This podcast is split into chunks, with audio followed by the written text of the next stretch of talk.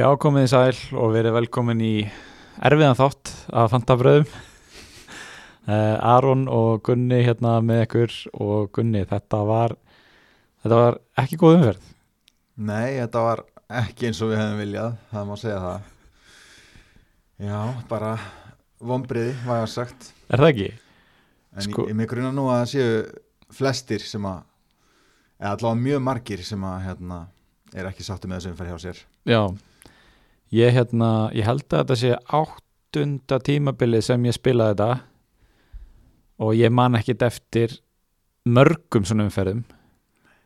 Sko og sérstaklega kannski umferð, þú veist maður lendir alveg í því að eiga sko slæmur umferðir en það er þá yfirleitt einhver sem á góðar á móti.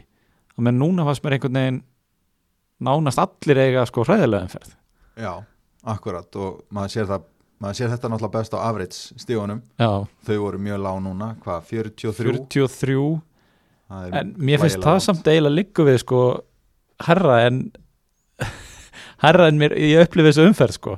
Já, einmitt. Þannig að hérna Sko, mín tilfinning er að þessi sem eru virkilega pæli þessu og sinna þessu séu með lægra average en þetta. Þetta séu meira svona uh, þessi dauðulið eða skilur Já. þeir sem eru lítið að sinna liðunum sem að hérna, fengu fleiri stig. Já. Uh, hérna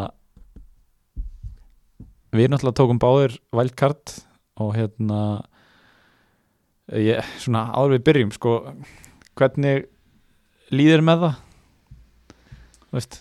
Hvernig liðið með með valdkart liðið mitt núna? já, Ég er ennþá bjarsýn já, ég er ennþá ánægð með liðið og mér finnst ég ekki hafa gert mistök með að nota það. Nei. En klárlega hefði ég viljað fá miklu fleiri stig í þessari umferð en, en ég planaði valdkartliðið mitt miklu lengra heldur en eina umferð þannig að ég er bjart síðan á framhaldi Já, ég, ég er bara sammála. Ég hérna og sko það er alltaf þessi, svona, þessi martröð sem að, maður sér fyrir sér sko er að taka vældkartið breyta liðinu sínu rosalega mikið selja fullt af mönnum sem að fá svo fullt af stigum og kaupa fullt af mönnum sem fá engin stig en það var ekki þannig á mér sko. Ég fekk mjög fá stig en ég hefði fengið líka bara mjög fá stig ef ég hefði verið með gamla liðið mitt okay. og mér líður miklu betur með þetta lið í höndunum sem ég er núna með þannig að ég, maður er bara Já, auk þessum að hérna, maður er náttúrulega að fylgjast með fleiri þáttum og podcastum og Twitter og annað og það er svona margir svona topp stjórar sem oft kláraði í topp þúsund eru bara núna einhver, kringu fjórar, fimm miljónir sko. Já, nákvæmlega. Þetta verðist vera ekki bara við sko. Já, en já, neyðustu ekki til þess að fara að tala um stíðin sem við fengum eða? jú, ég held það. Vilt þú byrja það? Já, er ekki þess að sem fær flest stig, hann byrjar. Já, Ég fekk alveg heil 33 stig. Tíu stigum undir average. Já. Uh, Já, Ok, hvernig endaði, við fórum náttúrulega yfir liðin sem vorum að setja upp hérna í síðast ætti, en hvernig endaði þetta hjá þér? Heyrðu, ég endaði með Martínez í marki sem að var held ég líka þegar við fórum yfir liðin. Já, svo endaði ég á að droppa trend já, tók mikið séns þar. Ég treysti á að Dinje myndi fá hérna jafnmör stegin og hann í næstu tveimu leikjum að minnstakosti já, þannig ég er með Dinje, svo er ég með Sæs hjá uh, Rhys James uh, Tariq Lamptey hjá Brighton og Mitchell hjá Palace. Já, uh, og planið er náttúrulega að kaupa trend aftur mjög fljótlega en ég tók sénsinn á þessu og ég held að ætla að borga sig þegar Dinje fekk assist í leiknum hjá sér en já, þá náttúrulega kom trend og laði upp mark og fekk þrjá bónusa en hérna já, hann kemur aftur inn í liðið mitt fljótlega. Svo á miðjunni þá er ég með triple Manchester City. Já, ég tók, hjó eftir því, þú fórst alveg þangað. já, ég bara, mér leist það vel á bæði heimaleikinu mútið Leicester. Mm. þeir eru náttúrulega með meðsli NDT er núna frá í marga vikur. Og þeir hafa verið mjög lélegir án NDT í vörninni. Mm reyndar var hann Evans að koma tilbaka á banni en ég bara svona treyst á að, hann er aðeins reyðgæður uh, þetta gekk ekki alveg eftir hjá mér en ég myndi Bruni, Sterling og Phil Foden Íslandsvinnin Já, uh, og svo er ég með Sala ennþá þannig að ég er með mjög sterka miðju. Mm. um, svo er ég með Potens hjá Wolves Já. sem að reyndi svo að vera meittur sem var mjög gaman eða hitt og heldur. Uh, og í staðin fyrir hann fekk ég Mitchell inn á með eitt stig þannig að það var ekki, ekki gaman. Nei, og svo frammi er ég með Raúl Jiménez, uh, Calvert Lewin og Brewster hérna. Leopold inn á bekknum. Já, Já. vonandi, vonandi fær hann að færa sig um sett Ok, en ég er semst með þrjá úlfa í þessum góða leik á móti West Ham held ég. Og það eru samtals núlstig, takk. Þetta er, þetta er náttúrulega bara eitthvað grín sko. Já, ég leit á þetta, ég held Já. að þetta eftir að spila leikin sko. Já. Ég held að ég held að það hafi verið fleiri á þeim báti sko.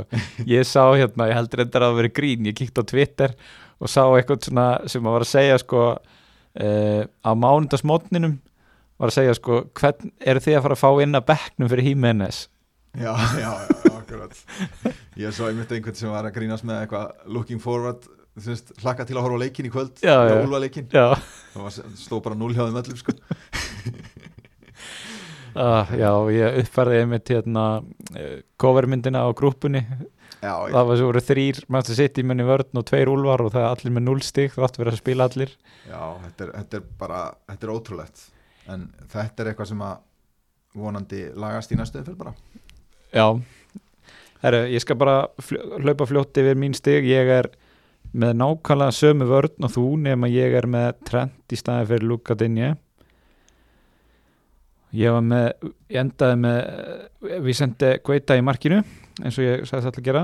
Já, miðjan mín var síðan uh, Potens Vilfríð Saha eh, Sala, De Bruyne og Son. Já, kom betur að því eftir. Uh, og Hímenes og Calvert Lúin frammi þetta er náttúrulega verið með svipulið. Uh, og Gilvi líka með Calvert Lúin og Hímenes frammi. Þetta er svona þeir tveir sem við ætlum greina allir að treysta á. Varstu búin að segja hvað fyrst mörg stig? Nei, vel spotta sko ég fekk 28 stig.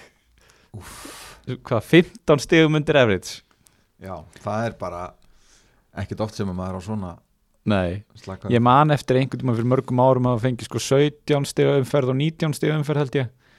En þetta er veist, þetta er bara rætt upp þær með vestu umferðum sem að maður á sko. Já, en mér finnst þetta samt, þetta segir eiginlega ekki alla söguna og hvernig ég upplifið þessu umferð sko. Að því að eftir sunnudaginn var ég með 15 stig mm, og átti tvo menn eftir að spila. Já, það var svona það sem ég var að taka úr þessari umferð. Já, það er náttúrulega svakalegt sko. Æ, þú veist, ég var ekki að fara ég var ekki með tvö stig á mann sko. Nei, þannig að hérna ég veist, þetta er, var náttúrulega bara sem að noti orðala konar hérna sem bjóði hliðin og Ísaksskóla. Þetta var bara ólýsanlega martröð. Og hérna gott að henni sé lokið. Hérna en sko en já, bara aftur ég er bara er sáttur með wildcard liðið mitt. Nema náttúrulega það að, að það verðist vera sem að eftir þessi deli ali vandræði mín Já. og um leiðu ég kaupi sonn þá sé ég fyrir mér að einhver aðstofamæður hérna, sem starfar hjá Tottenham. Hafi sparkað upp hurðinni á skrifstónas Mourinho og sagt bara, herðu, sonn verður tekin út af í háluleik næst og hann bara, ha, hvað minnur, þetta er besti leikmann okkar. Já, mér er alveg saman það. Það er einhver gæi á Íslandi sem getur ekkert í fantasy sem var að kaupa hann og hann verður tekin út af í háluleik þú getur bara tekið út allt tóttunam lið, hver er þá næstur hjá þér? Ég veit, ég, veist ég held að, en sko já, þessi tóttunum tilhörun er búin í bylli sko, já, það er alveg ljóst. Ég var endar eitthvað að lesa að hérna það gæti verið að hann verið klár hann verið sennilega klár eftir landsleikja hlið, eftir, núna eftir næstu umferð og jafnvel klár um helgina. Ég var eitthvað svona sá eitthvað um það, en ég ætla ekki að taka sensin og ég söldi hann bara fyrir verðleikun ok. Og viltu segja fyrir hvert strax Já, já, er það ekki alveg skott? Hérna, ég var svolítið að skoða Marias en ég var eiginlega búin að ég ákvað í vældkartinu að taka ekki fleiri sitt í menn heldur en De Bruyne þrátt fyrir öll þessi meðsli ég nefndi bara ekki að vera endarist að svitna yfir pep rotation. Já. þannig að hérna, ég fór bara í Harvey Barnes. Já.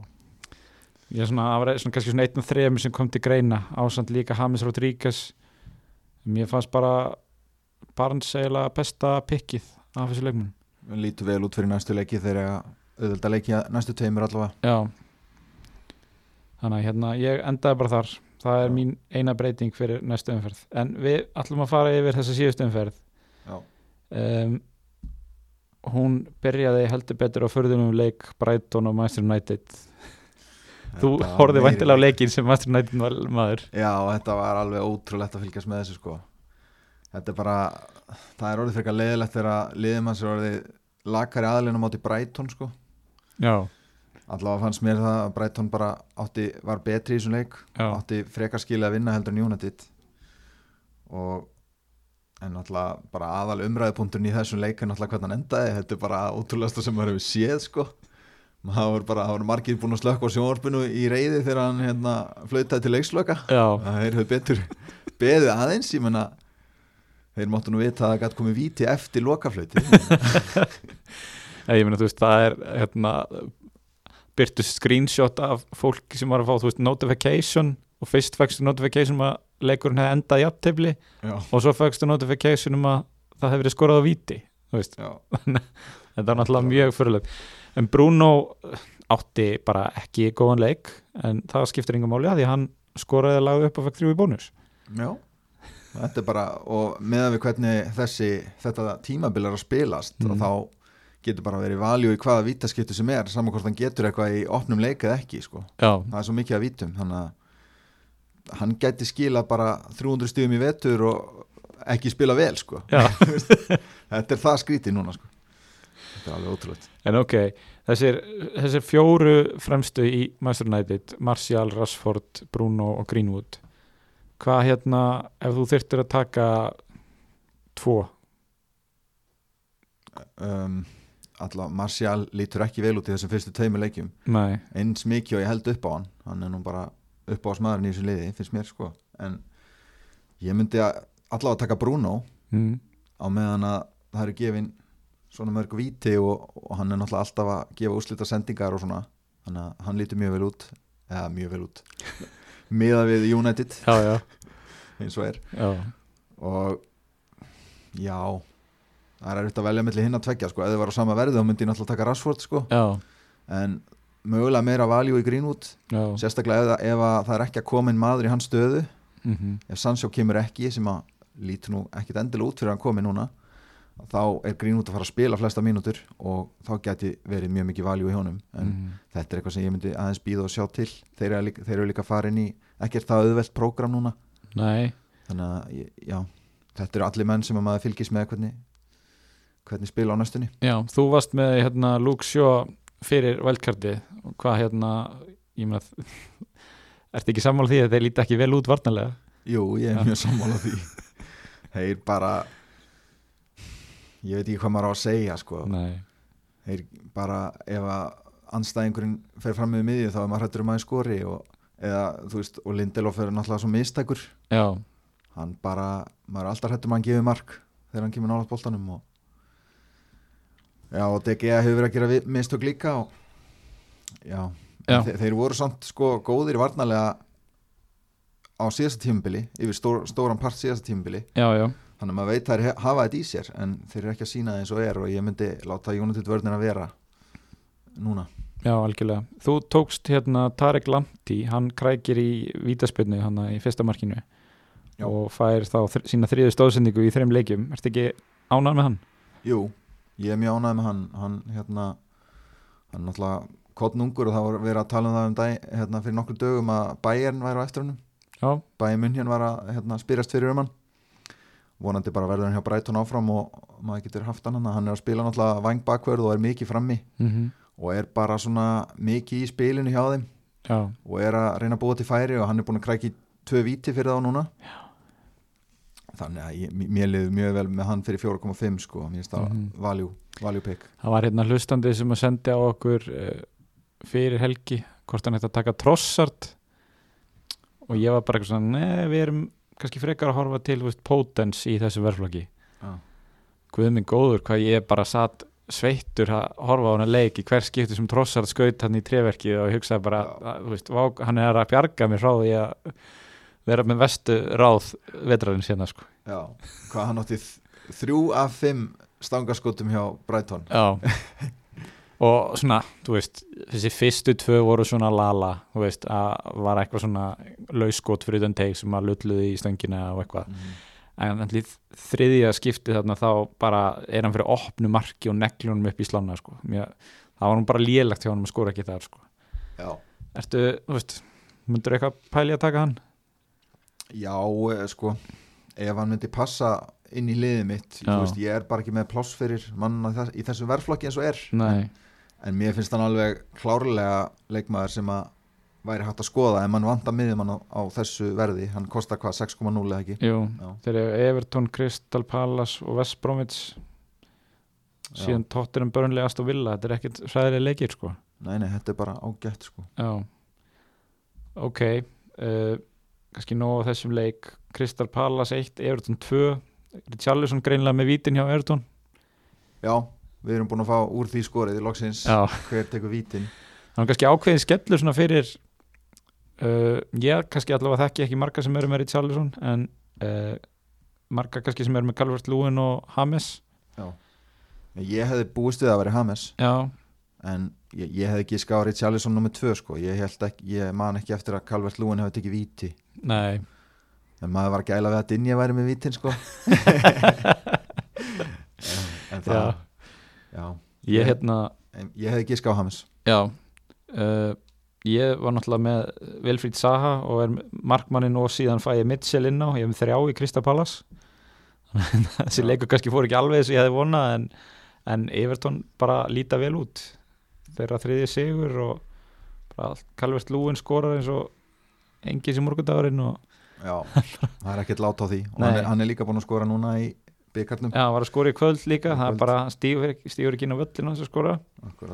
Komin upp í 7,4 já, hann hækkar og hækkar. Já, það er spurning, sko, ef maður verið að velja á milli þeirra núna, hans og Richarlison. Mm, það fer alveg að líða því að maður myndi skoða að taka frekar Richarlison ef hann er á vítunum og hérna, tölfræðin hans er góð líka. Mm og ef, maður, ef að tímabili heldur áfram að vera svona víta tímabila þá gæti maður að skoða það, þann möguleika. Ég er al- alveg sammála því sko. Ég hérna ef ég væri einmitt að að velja á milli núna þá er ég ekki frá því að ég myndi taka Richarlison. Og bara mjög gott dæmi bara í þessum leik. Ótrúlega vítaspilna hann sem var dæmt. Já, hérna, já bara hann fær hann hann í hendina og getur ekkert gert í því og það er engin hætta, það er ekki að fara að koma neitt mark skilur, nei, boltin er valla á leiðinni á Everton mann og þú veist. Þetta er bara mjög asnalegt að dæma víta og þetta finnst mér en, Já, en ég er svo sem alveg sammála því sko. Hérna, og mér er alveg stegsmunur þú veist, mér finnst uh, víti sem var dæmt á Nílum og Pei mér fannst það alveg vera víti já, það er með hendina náttúrulega beint upp í lofti Já, og boltin á leiðinni að markinu og svona þú veist, ég, eftir hólspinnu og meðan að þessi vítaspinna og svo vítaspinna sem kom í Newcastle og Tottenham þetta er bara þetta er bara skemma leikin, sem að taka undir með stjórunum bara. Já, já við bara förum á þennan vagn með stjórunum í deildinni, Já, þannig að við erum kannski að horfa til bara Dinje, Richarlison og Carvell Lúin hjá Everton. Já, kannski Hames Já. Uh, Hvað hérna segir með núna rönnið hjá Crystal Palace eftir Chelsea leikin eða jafnvel með Chelsea leiknum með hvernig Chelsea leikt út? Já, er hérna nú er ég með Saha er ég ekki bara nokkuð sett með hann? Jú, ég myndi segja það sko. Já. sérstaklega ef hann er komið með vítin og, og líka ef hann bara er áfram í klubnum það er endar ekkit verið að orða með önnulið núna sem ég hef séð. Nei. En hérna ef hann verður hann áfram og er komið vítin þá er hann klálega góðu kostur. Mm og ég hérna ég er uh, tildulega bjarsýn fyrir þennan Chelsea leik þegar Chelsea ú- á útivelli. Og við sjáum bara í Master United leiknum hvaða hendar honum betur og, ja, og sáþóndur leiknum líka að spila á móti liðin sem fara hátt upp með vörnina og, og liðum sem að eru til í að hafa boltan og svona. Já, að geta sótt þá hratt á þau. Mm þannig að ég, ég er bjarsýn með þetta pek já, Herru, tölum um hérna Tottenham og Newcastle. Uh, Son fer meittur út af í hálfleik. Já, og Kane leggur upp mark á Lukas Moura. Ég var nú að segja ég myndi ekki sjálfur skoða eitthvað að kaupa Lukas Moura. Nei, ég myndi ekki gera það heldur sko. Svona reiknum kannski með að Bale taki stöðuna hans þegar hann verður klár Lukas er alltaf inn og út úr liðinu li- maður veit aldrei hvort það spilar tekin út af og Lamela getur spilað hann líka og og Bergvin. Þetta, þetta var samt algjör skellur sko, meina, og svon aftur, hann var búin að skjóta hann í stöngin og slána. Kannski ekki en dauðafæri, þetta voru bæði skot svona rétt fyrir utan teg. Já, en þetta sveið eins og flest annað þessa helgina. Já, nokkala það eru börnlegi sáþáttónum við kannski eðum nú ekkit orðum í það. Danny Kings bara skorar já, eftir stóðsetningu frá þínu manni, Jay Adams. Já, nokkala hann fyrir að skila hann alltaf ef maður losa hann. En það var alltaf incoming sko. Já, hérna Jimmy Dunn fjara miljóngrón vartamærin í Burnley spilaði aftur. Já, uh, ég tók hann bara sem budget upp á að geta náðinn öðrum leikmanni. Já, þú ert með hann í liðinu. Já. já, ég meina bekknum. Uh, þannig að ég er bara sáttur við það. Vona hann spili bara sem mest en já, ég myndi ekki halda að hann sé að fara vera lengi í liðinu. Nei, nei, ég gerir mér yngar vonir sko. Tarkovski er að spila núna já, í kvöld í byggarnum þannig að hann er búin að jafna sig það er, reyndar, það er einhvað að tala um að hérna, Sean Dice velji frekar dönn heldur en Kevin Long í ok, meðverðin ok. Þannig að mögulega spila hann þangað til að Mee, Ben Mee kemur aftur úr meðslum já. en ég held að sé líka stutt í hann þannig að það verður örgulega ekki langt. Hérna, já, já, ég er náttúrulega seldi þarna Alex McCarthy og Kyle Walker Peters sem að fengu samtal stórstig já, þannig að hérna það var svona, það var það eina sem fór úrskeiðis í þessu velkarti hjá mér. Já, sama hér en alveg hérna, sama en hérna heldur að Southampton sé að fara að þjætta aðeins ræðarnar eða segir þetta bara hvað börnlegi á erfitt Þetta er svolítið góð spurning sko. Mm. það er alltaf mjög gott tækifæri fyrir þá í næsta leik heima á móti liðinu, því liði í deildinu sem lítur hvað vest út, Vassbrám ég hef, hef alveg trúið að þeir vinni það auðveldlega sko. þannig að þeir getur skilað þar þessi menn. Já, myndur þú veltaði verið að hafa Danny Ings sem kaftin? Uh, það væri rosalega mikil áhætta sko. mér finnst alveg þessi st- stærstu nöfnin uh, líkleri já, myndi, já, mér finnst það svona ofsnemt á tímubilinu til að fara einhver svona áhættu. Ok, en það er náttúrulega bara ég sko menn vilja spila þetta á mismundi hátt. Ok tölum um Vestbróm hérna. Það, þeir uh, voru 3-0 yfir á múndi Chelsea, komst í 3-0 í fyrri hálfleik. Og ég var nú kannski ekki alveg að trúa þessu þegar ég kíkti á síman og sá stöðuna. Callum Robinson með tvö mörg já, það er af eitt eftir uh, hérna að Tiago Silva tók hérna Steven Gerrard til þrif og rann. Þetta var, þetta var mjög svipað svona atvik. Já það var einhvern veginn bara með boltan við lappirnar og svo bara rennur alveg raskatið og hann bara leipur í gegnum skorar. Já, þegar hún segir það sko, þetta er bara mjög svipuð aðvík en hérna, já bara, þetta kom rosalega óvart. Já, og bara undistrykka líka vandræði Chelsea í vörninni sko. Ha- hérna, það er ekkit öllu bjarga þó að takki kepa og setja hann á bekkin og setja Tiago Silva inn sko. Nei. Þeir þurfa aðeins tíma til að stilla sig saman það verðist vera og Timo Werner komin á kantinn hann og Tammy Abraham fram.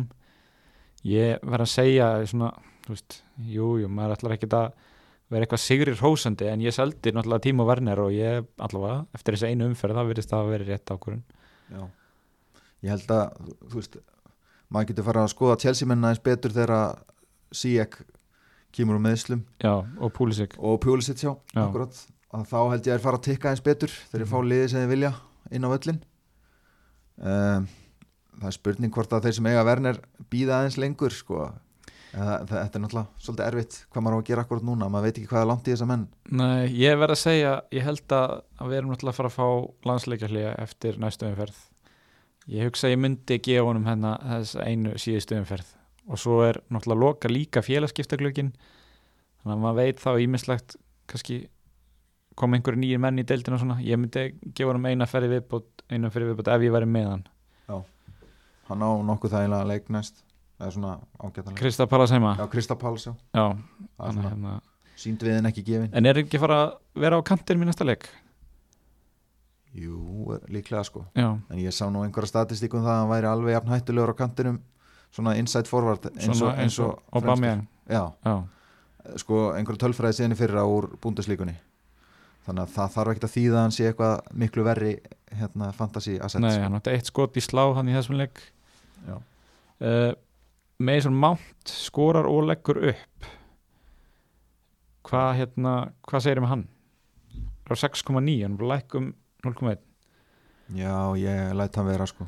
Ég, eins og þegar þessi menn komu með Íslum Sijek og Pjúlisits þá fer ég að vera hrættur um spilatíma hjá honum já, hann er kannski ekki í kaupa en við myndum, kannski alltaf halda honum ef við værum með já, hann. já, Ok uh, Kai Havers leggur upp mark. Annars lítið að frétta honum. Erfið byrjun hjá honum. Sem og Werner. Já, bara í rauninni Já, bara copy-paste því sem við vorum að segja. lítið annað að segja bara þeir eru eftir að spila sér saman og líta kannski ekkit sérskilega vel út. Já, og bara halda ef, ef maður er með hann þá er góðlega að halda honum en ekki kaupa hann. Setja hann bara í sama flokk og verner Erum við ekki að reikna með því að Mendy byrji í markinu í næsta leik? Jú, ég myndi rekna með því já. Á 5.0 hann byrjaði á móti tóttina núna í byggarnum Já, uh, ég veit, já. Sá nú ekki, ég er ekki búin að sjá neitt um hvernig hann stóð sig en nei, nei. sá ekki hann að leik. Nei, nei. En hérna Rhys James fær eitt bónustig þrátt fyrir að leggja ekki neitt upp eða skora og hann fær á sig þrjú mörg Segir þetta okkur eitthvað um hvernig hann stóð sig í leiknum og, og hversu mikil hættast á ránu? ég hef bara aldrei séð þetta áður. Ég bara, ég var mjög hissa þegar ég sá þetta.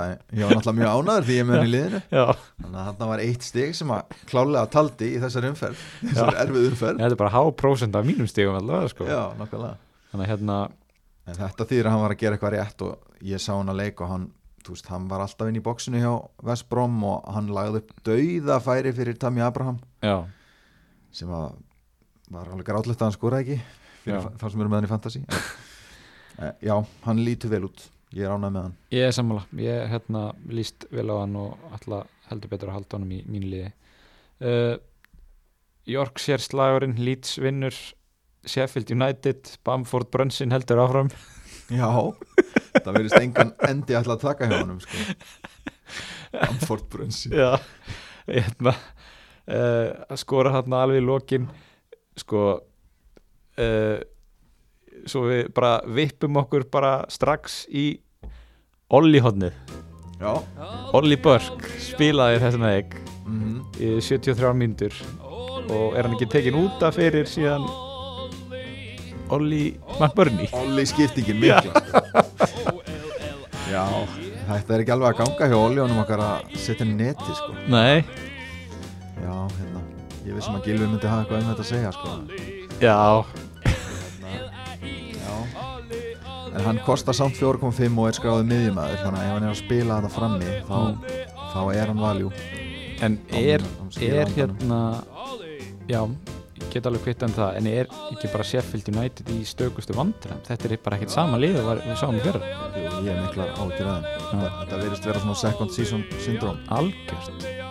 Og er ekki rétt hjá mér að Jack O'Connell er frá núna út tímbil Jú, eða allavega mjög lengi. Já, hann var í einhverju aðgerð á hnýju og margi mánuðir. Já, sem hann verður frá. Og líklast verður að Jack Rob, heitir ekki Jack Robinson jú, hann kostar 4.5 að hann líklast að hann leysa hann af já.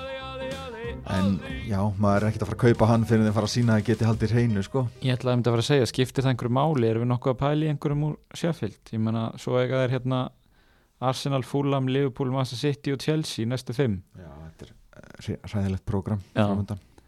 þannig að Sheffield United er bara off uh, en Leeds æfintýrið heldur áfram. Já, er hérna sko hérna Bamford, hvað er hann komið mörg mörg? fjögur, já, það ekki? Fjögur mörg. Já, hann er með XG samtals 0,68 fyrir alla leikina.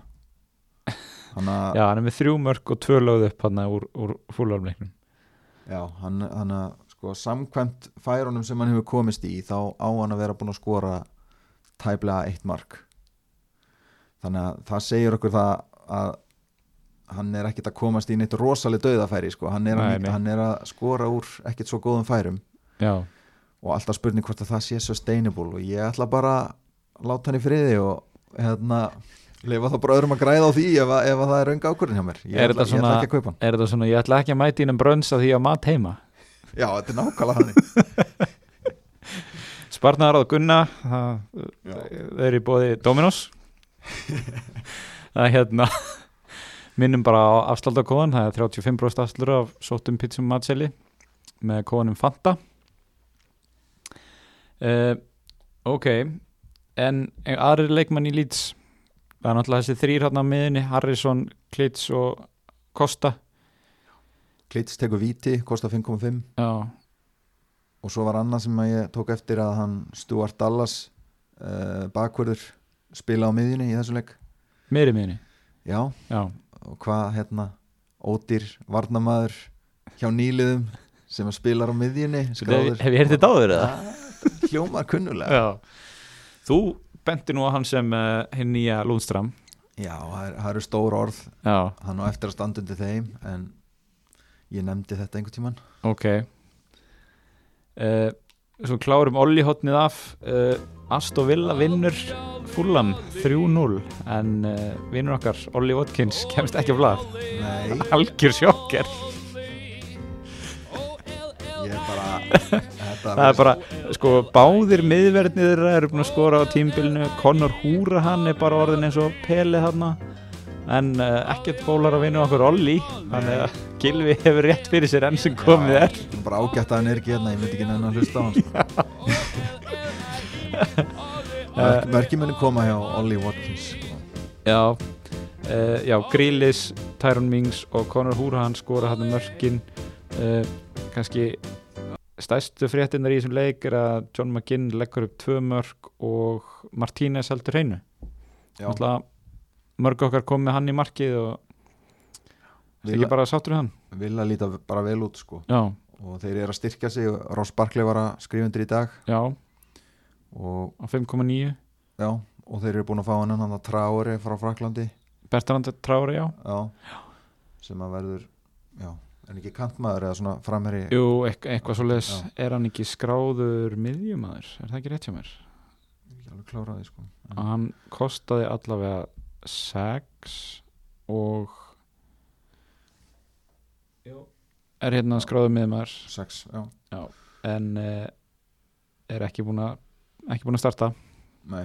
Að en hann gæti orðið kannski góður maður Já. veit ekki. en allavega Aston Villa líta vel út og, og Fulham líta ill út. Já, erum við, erum við sammálum það að Fúlam lítur verst út af liðanum í deildinni? Já, já saman því. Fúlam með Vestbrómits, hvað hérna ef þú ættir að kaftina móti öðru hverju liðinu? Fulham, já, ég held að ég segi bara það sama. Já. Ég líta Ég- ekki vel út Ég heyrði eitthvað eitthvað djók um það fyrir tímbilið að það er hann að hvað heitir hann? Michael Hector í vörninni hjá Fulham. Já, hann var kallað Virgil van Mike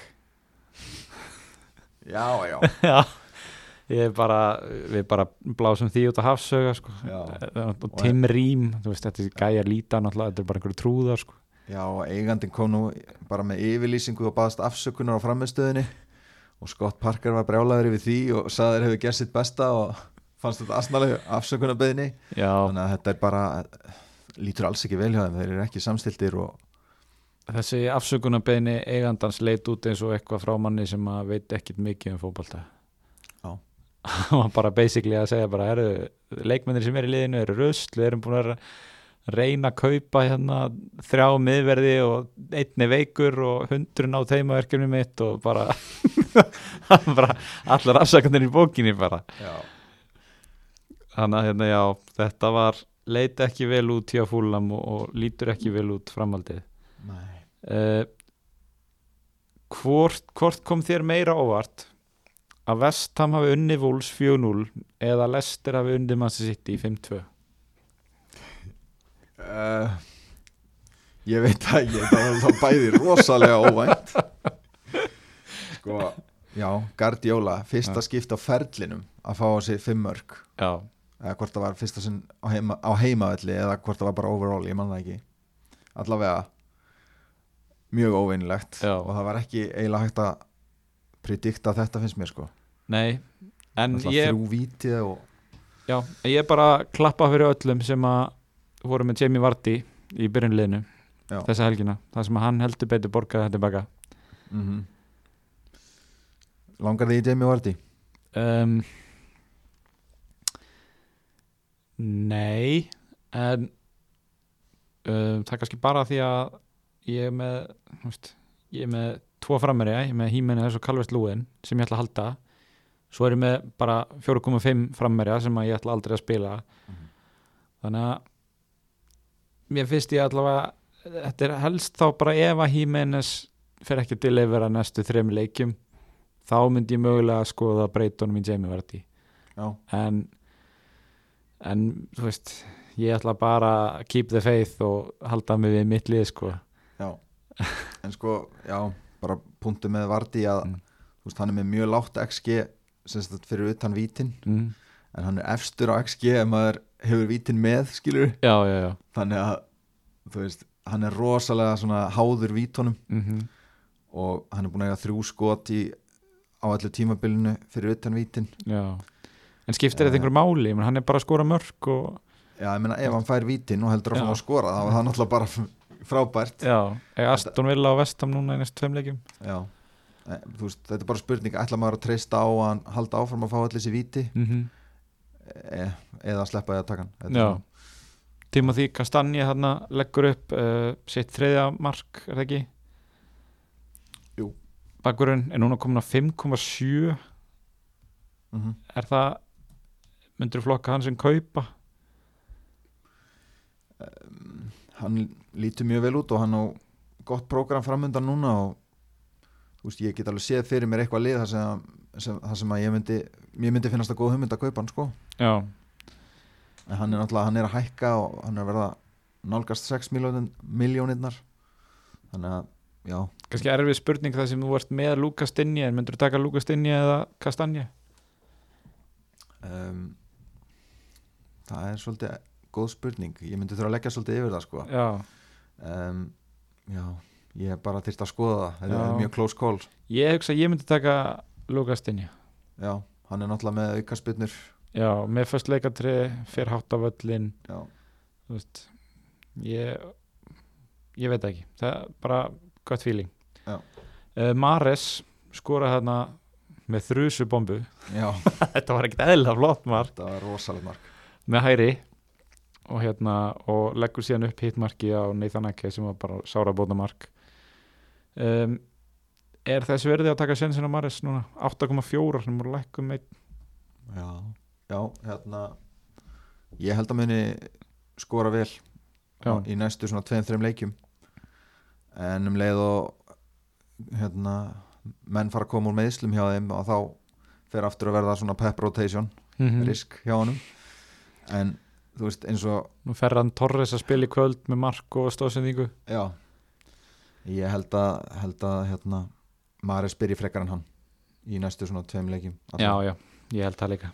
Eða Leeds í næsta leik sem að hefur hafa heldur betur fengið á þessi mörg mm þannig að hérna þetta gæti alveg verið gott pikk og hann er einungis í hvað er þetta 3,5% liða? Já, þannig að hann getur verið gott pick sko. mögulegur aðgreinir ef fólk er að horfa í það. Já, um, eitthvað meira að segja um hennan Master City leik. Við vorum báðir með Kevin De Bruyne sem fyrirliða mm og gerir ekki neitt. Nei, gerir ekki neitt og já, það var bara vonbriði sko. Þetta er bara, já að, hérna, ég er með Foden, Sterling og Kevin De Bruyne fæ ekki neitt, það er svolítið leiðilegt. Já, bara 6 stig samanlagt. Já, pluss fyrirliða bónu sinn en já, Vestam vinnur Vúls 4-0 við vorum báðir með þrjá sömu Vúls leikmenna sem að fengu samtals 0 stig. Já, uh, ég veit ekki hvað nú er ég að sökka nýr í þunglindi að vera búin að tilja þetta allt upp sko. Þetta var þetta var rosalega óvænt og þú veist, fyrsta sjokki var náttúrulega að Potens var ekki með. Já, og svo byrjaði leikurinn og það bara held áfram að að ég hérna ég, eftir allt sem að ganga á þessa helgi þá sendi ég skilabóð á þig og Gilva og saði ég skal lofa ykkur að vestam vinnurinn að leik. Jújú, jú, ég saði reyndar 1-0 en ég var þá kannski meira bara að segja að þeir myndu vinna á þess að vúlskóraði það bara hlaut að vera eftir. Það myndi alveg toppa þessi þessa hörmung sem þessi umferð var. Já. og svo til að toppa það náttúrulega þá skallaði Tómas Susek í Rál Himmenes og inn og það var Já. skráð sem sjálfsmark. Uh, já, bara ég veit ekki. Þetta er ótrúlegt, núlstig fyrir þrjá menn. Þetta er já, þannig að þú veist þetta er þetta er, þetta er ekki hægt sko. Uh, kannski það sem maður, maður tekur út úr þessu er að Masuaku fær þrjú stigi bónus og er að spila á kantinn mjög vestam myndur skoða hann sem 4.5 varðamann já, sko, með þessa leiki sem eru framöndan þetta er náttúrulega bara ótrúlegt prógram hjá þeim sko. En sko eftir þessa fjóra leiki sem eru næst sem Já. eru hvað, Leicester, Tottenham, City og Liverpool. Já, eftir þessa leiki þá far maður alvarlega að fara að skoða vestamennina og, og hérna Masuaku er einn af þeim sem að maður getur pælt í. Já, ef hann er að fara að spila á kantinum alla leiki núna næst, á næstunni þá, þá getur maður ekki hann að tekja hann. Emitt uh, Jarrod Bowen skora tvö mörg eitthvað sem ég held, ég held ég myndi aldrei sjá. Hann er búin að vera sprækur núna já, hann, hérna, ég held upp á hann leikmann sko, já, líka frá því að hann var hjá húl sko, maður fylgjast svolítið með honum og hann hefur þetta í sér sko. Þetta komir ekkit það, það mikið óvart. Nei. Og Fresh Prince of Haller skoraði síðan síðasta markið. Já. Við erum að skilfa frá því fyrra hann heldur betur, hann lítur að glæðjast með þetta. Já, hann að hérna en þú veist, þetta er náttúrulega erfitt, það er erfitt að taka þetta en við, we live to fight another day, það held ég að sé það sem að við verðum að segja bara um þetta. Það þarf líka að nefna hann Tómas Susek aðeins. Já, hann er mjög hættulegur í bóksinu mjög ódýr miðum að kostar 5,0 og er hann að spila í rauninni djúpa stöðu en hann er alltaf hlaupin í bóksi öllum föstum leikadröðum og alltaf mjög hættulegur þannig að hann alltaf eins og hann sé með segul á sér hann inn í bóksinu sko, Já. í hotspinnum mm fær alltaf boltan þannig að já, ég er bara ekki frá því að hann sé eitt besta pikkið á ódýrum miðmönnum. Svo sem eins og við byggust við fyrir, fyrir mótið. Þannig að þau sem að voru nógu hugrögt til að halda treyðu við hann í gegnum þetta leikjaprógram það var bara fínt að þess vegna spilunum sko -hmm. sem uh, fjóraða fynda miðmanni Herru, þá er það bara eftir hérna leikur Liverpool og Arsenal sem að fer 3-1 Lacazette skorar þriðleikin í röð en síðan er það já, Sala, Trent, Manni og Robertson sem fá allir stig. Já, var þetta ekki svona nokkuð ánægulegt þetta er bara svona bæði búk sko. Já, bæði þeir sem fór stíðin og úslitin sko. Er leifból einhvern veginn bara vinna alla leiki einhvern veginn sko. já uh, þú náttúrulega selur þú varst með bæði Trent og Robertson ekki?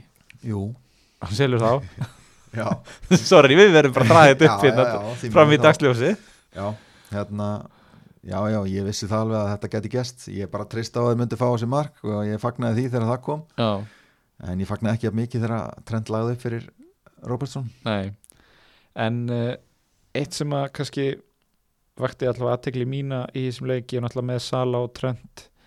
Er að Trent fær öll bónustíðin Já, uh, sem segir okkur vendalega eða þú veist, við náttúrulega horfum á leikin þannig að hann var drullu góður í leiknum bara eins og allir í Liverpool. En hérna, hann er svona greinlega að komast í gang. Já. Og það er bara ekkit annað en gott um það að segja. Mynduru svona leðileg spurning það sem voru nýbúin að selja en mynduru vera með að báða? Mér, já, Já. Ég, þú veist, það hefur ekkert breyst með það að hérna, þeir eru báðir frábæri náttúrulega og, og hérna, gott að vera með á báða. Og ég ætla, þú veist, það var alltaf plani hjá mér að kaupa trend aftur fljótlega. Ég tók bara sensi núna næstu tvo leiki, það, eða, þessast, síðustu umferð og næstu. Já. og svo meni kaupa trend aftur sko.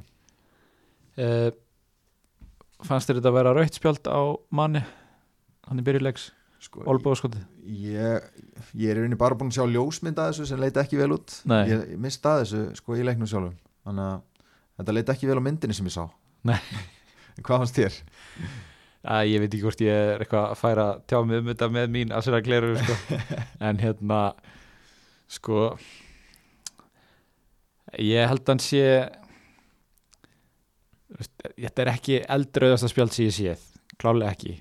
En mér fannst hann ég held að ef þetta hefði gerst uh, setna í leiknum Já. þá hefði dómarinn þurft að hugsa sig um. Ég að hérna, ég held að hann sé pínu heppina hvað þetta gerist snemma í leiknum. Já, en þetta var náttúrulega líka klár hendi á Jota í síðasta markinu. Já, ég, mér fannst mjög skrítið, ég horfði nú allan leikin og ég tók ekki eftir ég eitt einasta atvik væri skoða í var sem að Nei, kemur mér á óvart svona með hvernig þetta hefur verið í byrjun tímbils en uh, það, domgæslan er ekki það sem að kannski er til umfullunar í þessum þætti þannig að við kannski bara snúum Nei. okkur að Liverpool var náttúrulega já, miklu betri í þessum leik þannig að það fyrir náttúrulega skila að vinna þetta. Já, Laka sett náttúrulega klúraði nokkrum döðafæri mannaðir já klúraði einu hérna sem var rángstað og svo einu alveg dauðafæri einn á mútið markmanni. Já, ég, hann var í rusli þannig þegar hann fór út af. Já, sem að bara ágætt, bara Já. sýnir að honum er ekki sama. Já, en uh, hann er náttúrulega eitthvað sem við kannski erum ekkert að horfa til. Er hann er á 8,5 uh, Þetta er svona gaurinn sem er alltaf verið að tala um í fantasy en enginn kaupir hann. Já, hann er hérna mér líður svona eins og í allavega leikkerfinu sem Arsenal er að spila þann sé svona okkar fyrir mínu ég eiginlega pínu hissa hvað hann er að skora mikið. Mm. en hérna uh, ég verð að segja fyrir mig, ég myndi alltaf taka Danny Ings frekar en hann þessa dagana, Já, ég er eiginlega bara sammála því sko. Það ekki? Jú, Ings komið með víti núna og, og á fínt prógram. Já, og já, það væri fínt að stökka á núna fyrir næsta leik eins og við vorum að tala um á hann heima á móti Vestbróm Ings, Jimenez, Calvert Lúin þetta er allt, Richarlison, þetta er allt menn sem myndi taka frekar en lagasett Já, akkurat þannig hérna en eftir, eh, eft- eftir sjöunduferð þegar að leikir aðsennlega fara aðeins að snúast við þá er þetta eitthvað sem að væri hægt að pæli Já, það er líka þetta rotation risk við. Þú veist, það er líka að fæla mann frá sko. já, já, hann er eiginlega ekki að spila, spila mikið meir en 70 mínútur þannig að þetta er klárlega uh, þetta er ekki við flokkum hann ekki í kaupa og, og sennilega bara sem selja Já, en herru, ef að skella okkur í spurningar? Já, það náttúrulega var mikið sem að fantasy, brann á fantasy samfélaginu eftir, eftir þessa umferð og ég var uh, talaði reyna íslensku þegar ég sagði einfallega hvað viljið þið vita eftir þessa skjálfilegu umferð. Og hérna um, hvað er ég með þetta hérna bestu kaup undir 4,5 4,5 miljónum undir 4,5 miljónum já, Ok. Við tökum bara 4,5 þá bara með í þetta. Já, uh, sko þarna, það eru hann einhverjir einhverjir uh, varnamenn sem eru búin að lækka. Rúbin Vinagre, spilaði hann ekki þennan leik jú, hann spilaði en ég myndi ekki taka hann því hann er að fara dett út sko. mögulega spila hann á næsta leik. Já, en svo dettur hann bara út þegar hann að Marsal kemur úr meðslum og já, já, Hann, hann virðist ekki vera mjög hrifin á honum, hann núna Nei. þjálfari. Fyrst hann hérna bekkjaði hann hann í fyrsta leiknum. Hann Benedikt Darri segir bara ég vil ekki vita neitt, ég gefst bara upp. Já, já við segjum bara hengið þér, eða ekki? Jú, bara er hengið þér ekkert að gefast upp. Eins og ég var að segja, það er fullt af, af topp þjálfurum, fantasy þjálfurum sem eru ekki á gott tímbil þannig að algjörlega sko. þetta á eftir að snúast við og það er bara að setja hausin upp og halda fram sko. Já, ég, ég veist, þetta er búið að ganga mjög illa hjá mér. Ég er ekkert búin að gefast upp ég er bara bjarsinn og framhaldið sko. ég, Já, það er bara ein leið núna og það er upp á við. Nákvæmlega. Uh, á maður að taka á sig mínus fjóra og selja sonn eða geima það og nota frí transfer setna sko, ef, ef þú ert með einhvern á bekknum til að spila fyrir Mm. svon, þá myndi ég geima það að selja hann, hann, hann hérna ég held að hann verði komin aftur eftir landsleikja hlið, mögulega missur hann af leiknum móti United, já hann er sennilega ekki að, að fara að missa meir en bara þessum einu leik. Nei, þannig að hérna við kannski ég segi ekki taka mínus fjóra en ef þú vilt nota innan fríabreitinguna innan ég seljan eins og ég gerði mm bara, þú veist, og Tottenham á gott prógram eftir landsleika hlið já. Ok uh, á maður að hafa varn á maður að hafa varnamenn sem kosta meir en 4,5 svona þegar mörkurum regnir inn? Sko ég verði að segja ég er eiginlega meira að fara að horfa til bara varnamanna sem að geta að skila einhverju sóknulega sammála því. Bara eins og Rhys James. Og hérna og Lucas Dinje og, og Liverpool bakverðina, þetta er náttúrulega þú veist, jújú, jú, þeir eru ekki ókipis en uh, ég meina við erum báðið með 4,5 miljónum framherja sem að við erum að fótna í staðinn. Þannig að hérna já, já, en þú veist, ef fólk þetta er náttúrulega bara spurning um taktík. Ef fólk vil vera með 5 uh, varnamenn sem kostar 4,5 og, eða penningur um annar starf, þá var það bara ákvörun en hérna, en maður, það er alveg rétt, maður er meira að horfa á sem sagt, líkur á sóknastegum hjá Mm. varnamönnum heldur en varnastegum mm, uh, með að við síðasta tímabil þá var, allavega, þá var ég miklu meira að horfa á líkur á hreinu laki sko. núna er maður meira að horfa á hitt hjá varnamönnum uh, Átni segir hérna er ég einn um það að hafa pælt í sálfræðast og eftir þessar hræðilegu umferð? Alveg pottet ekki. Nei, ég held ekki þetta, þetta var alveg algjör skelving og hérna ég var, ég, veist, ég er einfallega þannig að ég datti í alveg svona að ég vonaði bara að Trent og Sala fengju engin steg og ég myndi bara enda með einhverja sögulega vonda 15 steg umferð sko. en, hérna, en já, þannig að ég held að átnum minn, þú ert ekki svo eini sem að ert að pæla í sálfræði aðstóð eh, eftir þessar hryllingsumferð hvaða stigafjölda væri þau sáttir með? Sko, mér finnst alltaf fínt að horfa bara á average og vera sáttu með það. Já, þannig að, þannig að við verum alls ekki sáttir með þessa umferð. Nei, ég ætla bara að segja allt yfir 35 væri ég bara mjög sáttur með sko. Já. eh, Mattisson eða Barnes? Sko, já, Mattisson er náttúrulega bara rétt að koma eftir meðsli já, skoraði hérna algjört draumamark skrúan í fjárhjóðni já, en mér fannst samt svolítið skrítið að, að hann tók ekki vítið sko, já, Tílemanns tók vítið eftir að Vardy fór út af. Já, það fannst mér svolítið skrítið því að Mattisson hefur tekið vítið áður fyrir þá. Já. En já, Mattisson geti komið vel inn í þetta. Uh, hvað kostar hann? kostar hann 7,0? Já, ég held að hann sé ennþá sjöunni sko. Já. en ég verð að segja að ég er pínur hættur um að, að hérna, kannski svara þessari spurningu svona frá mínum pæðaturum sé að ég er búin að kaupa Harfi Barnes í staðin fyrir sonn Já. þannig að ég held að ég myndi frekar taka hann. Eh, ég pínur hættur um að Mattisson verði svona hvað hálgerur luxusleikmaður og sé þá frekar að koma inn á í leikjum þegar þeir eru yfir og þurfa svona aðeins að halda boltanum og, og getur svona leift sér að sækja. Mm hann muni halda áfram að spila með er ekki Dennis Pratt og Mendy er, og Tílemann sem er hann að keppast um þessar miðjustöður? Já, já, ég, já ég, ég held að hann muni komast inn í byrjunarliði sko. já, en hérna Barnes er búin að sína á þessu tímabili að hann er, þú veist, hann er að taka hellingaskotum hann er búin að skora og skila stigum. Spila 90 mínútur. Já, en Mattisson er svona stig upp á meðslum en ég myndi aðeins býða og sjá til með hann. Mhm. en hann gæti alveg orðið uh, go to maðurinn hann á miðunni þeim. Já uh, Bjarki Reynir segir gæti Barkley verið option hjá Villa á 5,9 eða er hann ekki örugur með mínútur þetta er algjört býð og sjá til já, maður veit ekkert um það. Þessi, hann var að skrifa undir í dag sko. Er ekki fínt að taka allavega þannig eina næsta leik og, og býða svo að sjá í, í landsleikja umferðinni svo getur vel verið að menn komið mittir tilbaka og, og, og, og það getur margt gerst. Það fram að sko fram að þar næstu umferð. Ef maður getur teikt sig upp í grílis á sjö þá myndi ég gera það. Já. Ok um, hvort takið þið Ings eða Calvert Lewandowski eða með bara taka annan? Kalvert Lewandowski eða það? ja, hann er ódýrari. Já. Uh, hann er að skora í hverjum leik. Liðið hans kannski lítur aðeins betur út. Já, hann er bara glóðheitur og já ég myndi taka hann frekar en Já. Ings er líka góðu kostur, ég er ekki að segja það. Uh, Werner átt spyr Máni Örvar.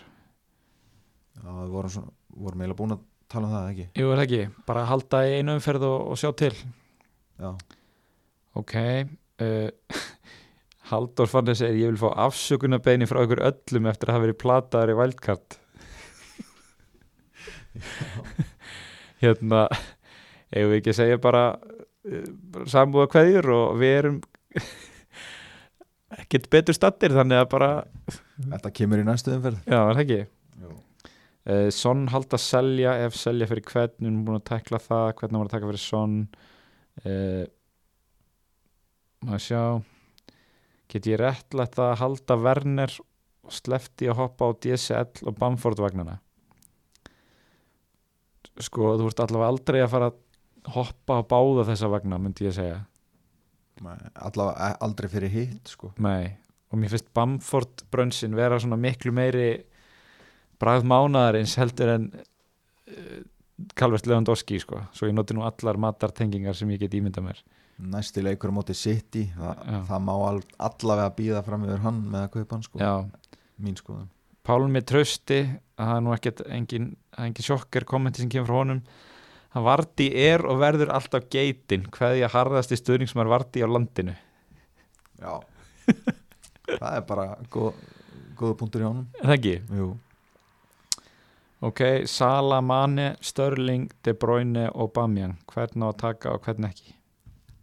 Þetta eru þessir uh, fimm dýrustuðu miðmennir Já. ég er með þrjá að þeim. Já, þess að De Bruyne, Störling og Sala Já. En þú veist þetta ma Salamanni umræðan mm. hún mun aldrei hætta sko. Nei. þetta er bara alltaf í gangi og þú veist bara take your pick skilur, þetta er bara nánast 50-50 en Sala með vítin. Já, það er svona það sem að íti mér í áttinu honum frekar. Mm sérstaklega já, einmitt, með hvernig tímbil er að þróast. Og Obama á náttúrulega erfiða leiki núna þannig að já, já, hann er og, hann leita ekkert sérstaklega vel út í þessum liðbúleik en það var kannski meira bara að skrifast á Arsenal sko þeir fóru nú yfir hérna, tölfræði á móti stórulegunum fóru yfir það í kringum hérna, í umfyllunum Já, leikin hann já. á símanum og já, hann þetta gengur ekkit mjög vel hjá hann móti stórulegunum Nei. Þorsteinn segir á ég að taka Vilfríð Saha eða býja þóng til eftir tjálsileikin eða sleppa honum alveg sko, ég held að ég myndi bara taka hann strax. Ef þú ert að pæla í honum og kannski segjum bara að þú sérti þeirri stöðu að- að selja sonn þá myndi ég bara taka hann strax. Ég held að, eins og ég sagði, hann uh, hérna, hendar hann betur að spila mútið liðum sem eru mikið með boltan og fara hátt upp. Mhm.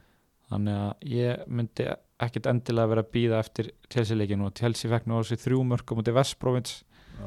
þannig að, og með Tiago Silva, hann er kannski komin á sínu léttasta skeiði og svona sko. Já, og Sala, nei Sala. Saha er náttúrulega mjög fljótur og, og gæti skila á móti þessari vörð Davíð Reyn segir hvernig dílítið maður fantasileginu sínu? Er það ekki eðvöld bara að henda appinu og Jú, þú getur auðvitað að þetta. tölvupóst á það og beðið á að eigða því út fyrir. Já. Uh, ok, þá held ég að það sé svona meira að minna komið. Síðast ekki spurningin frá hérna nafnaðinum Gunnari, hann segir hvernig sofið á nóttunni? Ég held að svara við því sé bara að við sofum mest lítið. Við liggjum bara í myrkarinu og öskurum út í tómið sko. Já. Nei, ég, ég er bara bjarsinn eins og ég hef búin að segja sko, ég sé þokkalega yfir þessu, ég bara já, ég ætla að býða þangar til þetta verður enn verra þangar til að ég fer eitthvað að láta mig líða illa sko. Ok, ef við förum þá yfir í næstu umferð. Að þú ætlar ekki að gera neinu breytingar sagður Nei, ég ætla bara að geima transferið mitt, ég er ánægð með liðið mitt fyrir næstu umferð. Já, og gott að eiga tvö frí, fría skiptingar eftir landsleikjalið Já, ef að menn koma meittir tilbaka eða, eða kemur einhver nýri í deildina sem langar að kaupa eða eitthvað slíkt. Nákvæmlega, það er bara það sem ég er að pæla. Já, uh, næsta umferð er fyrsta umferð þess að vera tveir leikjar á saman tíma þannig að hérna það er einhvað sem að gleður mig að klára þetta af á styttri tíma. Engin mánudagsleikur. Já, mm -hmm. þannig að hérna mögulega verði fyrra á ferðinni í vikunni. Þessi mánudagsleikir hafa svolítið verið að gera verkum og við hefum verið seint Já, í vikunni setna en við myndum vilja. En hérna vonandi verði við bara fyrra á ferðinni næst. Hvernig ætlar að hafa í kaftin? þetta er, þetta er önnur umferð það sem að vera svona skipt fyrirlega vall ímyndaði mér. Já, þetta er svona þú veist, maður þarf að taka ákvörðun. Það er ekkit Já. alltaf sem þarf að taka ákvörðun. Nei, einmitt, og Bamjang heima á móti Vestham til dæmis. Já, það var bara eiginlega allir með það. Já, uh, ég er að hugsa um að setja bandið á Cityman já, þú veist, þetta er svona svona með þrjá til að velja já, það eru margir að velja á milli De Bruyne eða Sala Já, uh, ég ætla að setja á Cityman og ég er þá að velja á milli De Bruyne eða Sterling. Ok. Er, Ertu eitthvað næra öðrum hvorum? Það sko, það er náttúrulega meiri séns að setja á Sterling Já, af því að það eru færri með hann og svona. En er ekki meiri, þú veist, er ekki meiri velun sem að eru þetta bakvið? það er nefnilega það sko og það er, það hefur verið svona talað um að hans tölfræði á útivöllum sé betri heldur en hjá De Bruyne sko. Já, það verður að tala um að setja bandið á De Bruyne á, á heimavelli og Sterling á útivelli Já. ef maður er í þessum hugleggingum þannig að það getur vel verið að enda Sterling já, hann spila, er búin að vera að spila frammi núna í tveim síðustu leikjum. Já, ég er nú reyndar ekkit sérstaklega ánægð með það sko. Nei, hann er eiginlega bara hættulegri á kantinum. Á kantinum. Fær meira pláss og hlaupa á menn. Já, en, en já, já, hann er líka hættulegur hann er fremst. Ég er alveg sammála því. Ég er að hugsa um að taka smá sens um helgina. Ok, og setja fyrirliða bandið á Jimenez Já. Hvernig líst þér á það? Mjög vel bara ég Já. var alveg búin að huglega það líka sko, Já. það er ekki nefnt það en já, hann náttúrulega skuldar eftir sjálfsmarkið síðast Já, ég held að hérna, við náttúrulega fengum skilabóð eðlega frá fólki sem var með fyrirliða bandið á honum um þessa helgi já, og bara ég vorkinni innilega já, ég líka ég en hérna ég er svona að vona að hann hafi tekið þessa, þetta feita null út í, í þessari umferð og mhm. Seti solid tvö mörg á fúlam og heimaðalli er með vítin í vúls og ég held að þeir komi alveg dýrvillisur í þennan leik eftir vombriðin í síðasta leik sko. sammála því. Og þetta er bara þægilegasti leikur sem þeir geta fengið. Sem, hímennis getur fengið til að koma tilbaka frá, úr þessu nulli hjá sér. Mm uh, Ætlum við ekki að taka sensin á Potens áfram? Jú, klálega, þetta er bara eitthvað smáægilegt og þú veist, jafnvel þó hann missa þessum leik þá eiga er frábært prógram framöndan og hann jafna sig þá bara í landsleikalinu þannig að hann verður í liðinu mín áfram. Já, ég held, held það bara. Uh, Þá erum við bara að vera tæmdir. Ég er svona Mér langar kannski bara að, sko, að segja hérna eitt loka punkt uh, Gilvi var svona pælið í hérna fyrr á tímbilinu hvort að við værum svolítið að forgangsraða sko að selja þá sem er ekki standa sig eða að trífa okkur í að kaupa inn þá sem eru heitir. Og veit ekki hvort þú veist hver Mark Southerns er en hann Já. stopnaði Fantasy Football Scout og Mhm. er svona hefur þó nokkru sinnum endað í top 1000 og er einn af bestu þjálfurum hann úti held ég. Já, ég heyri honum í hverju viku. Já, þið erum ykkar hérna, ykkar sambönd. En hérna uh, hann talaði um að á þessu tímbili ætla hann að forgangsra að selja leikmenn sem er ekki standa sig. Þannig að það er eitthvað til að taka yfir í Já. taka á kottan mm þegar þeir eru að fara að stilla upp liðinu fyrir næstu umferð. En þá er það bara muna að stilla upp liðinu uh, fyrir klukkan 10 á lögadaginn umferðin hefst með leik Chelsea og Crystal Palace. Og við heyrumst í næsta þætti að fantablöðum